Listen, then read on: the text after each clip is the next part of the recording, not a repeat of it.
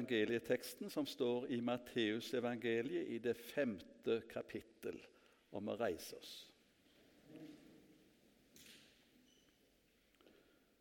Da Jesus så folkemengden, gikk han opp i fjellet. Der satte han seg, og disiplene samlet seg om ham. Han tok til orde og lærte dem. Salige er de som er fattige i ånden, for himmelriket er deres. Salige er de som sørger, for de skal trøstes. Salige er de ydmyke, for de skal arve jorden. Salige er de som hungrer og tørster etter rettferdigheten, for de skal mettes. Salige er de barmhjertige, for de skal få barmhjertighet. Salige er de rene av hjerte, for de skal se Gud. Salige er de som skaper fred, for de skal kalles Guds barn. Salige er de som blir forfulgt for rettferdighets skyld, for himmelriket er deres. Ja, salige er dere når de for min skyld håner og forfølger dere, lyver og snakker ondt om dere på alle vis. Gled og fry dere, for stor er lønnen dere har i himmelen. Slik forfulgte de også profetene før dere. Hellige Far, dette var ditt ord. Hellige du oss i sannheten. Ditt ord er sannhet. Amen.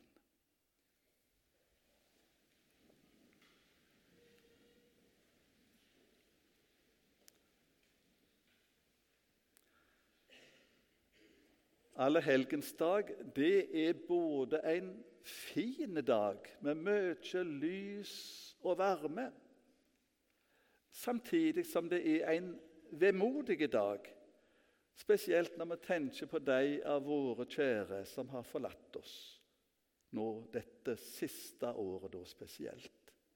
For da er det savnet som sitter fremst i bevisstheten.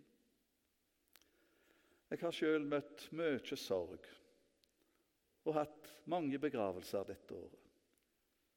Og selv om jeg som prest ikke kan ta inn over meg all sorg og smerte, så gjør det likevel noe med meg både som medmenneske og som medvandrer. Det spesielle fra midten av mars og til i sommer det var jo at vi ikke kunne samles så mange til begravelse. Det kunne være ganske hjerteskjærende når mange både blant familie og venner ikke kunne delta. Heldigvis er det bedre enn nå. For de nærmest pårørende blir jo livet aldri helt det samme etter et dødsfall i familien. Men som det står på noen gravsteiner vi møtes igjen. Vi har som troende et håp. Vi er ikke skilte for evig. Døden gjelder kun for tida. I evigheten ikke Gud i den store møteplassen der sykdom og død og savn er slutt. Nå har vi lest preiketeksten i lag fra Jesu bergpreik. Og Der er et ord som rammer teksten inn fra begynnelse og til avslutningen. Det er ordet 'himmelrike'. Har vi virkelig en himmel over våre liv? Eller er himmel bare noe som folk trodde på før i tida? Av og til får jeg faktisk følelsen av at det er slik. At himmel det er en antikvarisk forestilling, rett og slett. Og Jo mer velstående på materielle rikdom vi blir, jo fjernere synes himmel å bli for oss.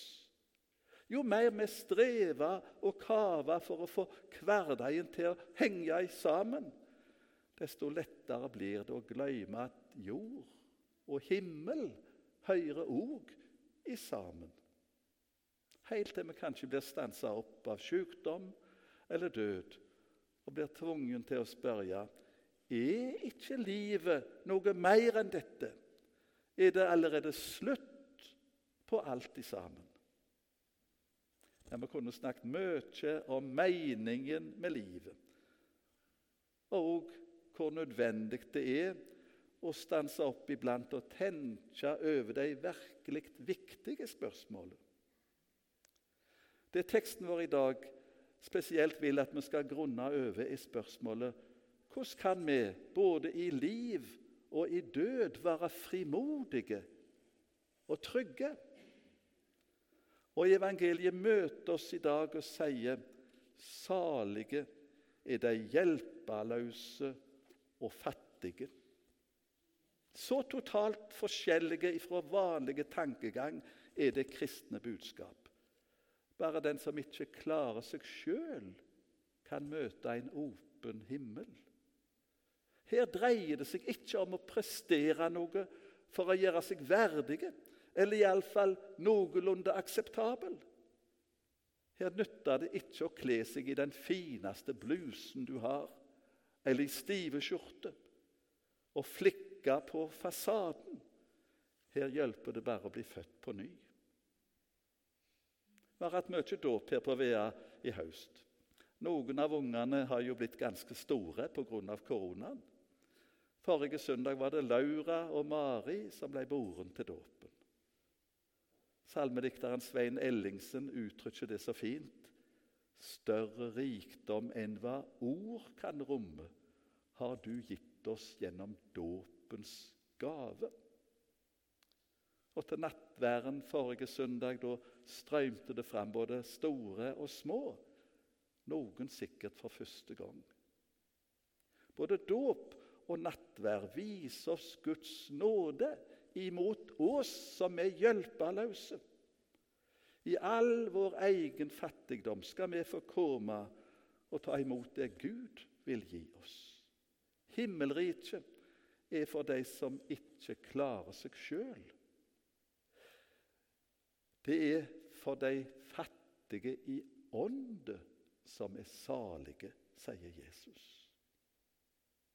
Det andre evangeliet i dag vil si oss, er at som Jesu venner skal vi bli preget av hans ydmykhet og tjenersinn. I vår verden er det jo ofte om å gjøre å ha mest mulig, enten det er penger eller posisjoner. Men Jesus vil lære oss det motsatte i dag. Det er saligere å gi enn å ta. Det er bedre å tjene enn å herske. Og Som ideal for oss setter Jesus opp de tålmodige, de barmhjertige, de som er rene av hjerte, de som skaper fred, de som for Jesus skyld blir håna og forfulgte. Hvem kan vi leve opp til sånne idealer? Det kan iallfall ikke jeg. Og det tror jeg at Jesus vet veldig godt. Men så er heller ikke disse ord et krav, men det er et bilde. Det gjelder om å ta vare på de positive verdiene og bygge mer på kristen omsorg og menneskelig nærhet enn på den materielle velstand. I forbindelse med begravelser så besøker jeg alltid familiene på forhånd. Og Når jeg snakker med dem, så er det som blir framheva om den som er død, mest av aldri hvor framgangsrike og flinke vedkommende har vært. Men det er de menneskelige egenskapene som de snakker om. La meg bare få nevne noen få eksempler på dette blant de begravelsene jeg har hatt nå. Ei datter sa om mor si Mor hadde ganske sterke meninger, og vi visste hvor hun sto. Men hun var samtidig så romslig og raus. Og fordi hun var trygg på sin egen kristne identitet, kunne hun vise åpenhet og respekt òg imot andre. Ei mor fortalte om sønnen sin som bare ble noen og 30 år gammel. Han var en humørspreder som alltid fikk oss til å le Spesielt likte han seg godt blant ungene. Og når vi hadde familieselskaper, da havna han som regel på lekerommet eller i sandkassen sammen med de minste. Og et Badnabaden sa om bestemor si Hun var så flink til å fortelle historier fra Bibelen. Hun hadde en egen evne til å fange oppmerksomheten vår. Og huset var fullt av sang og musikk, og blomster var der både inne og ute.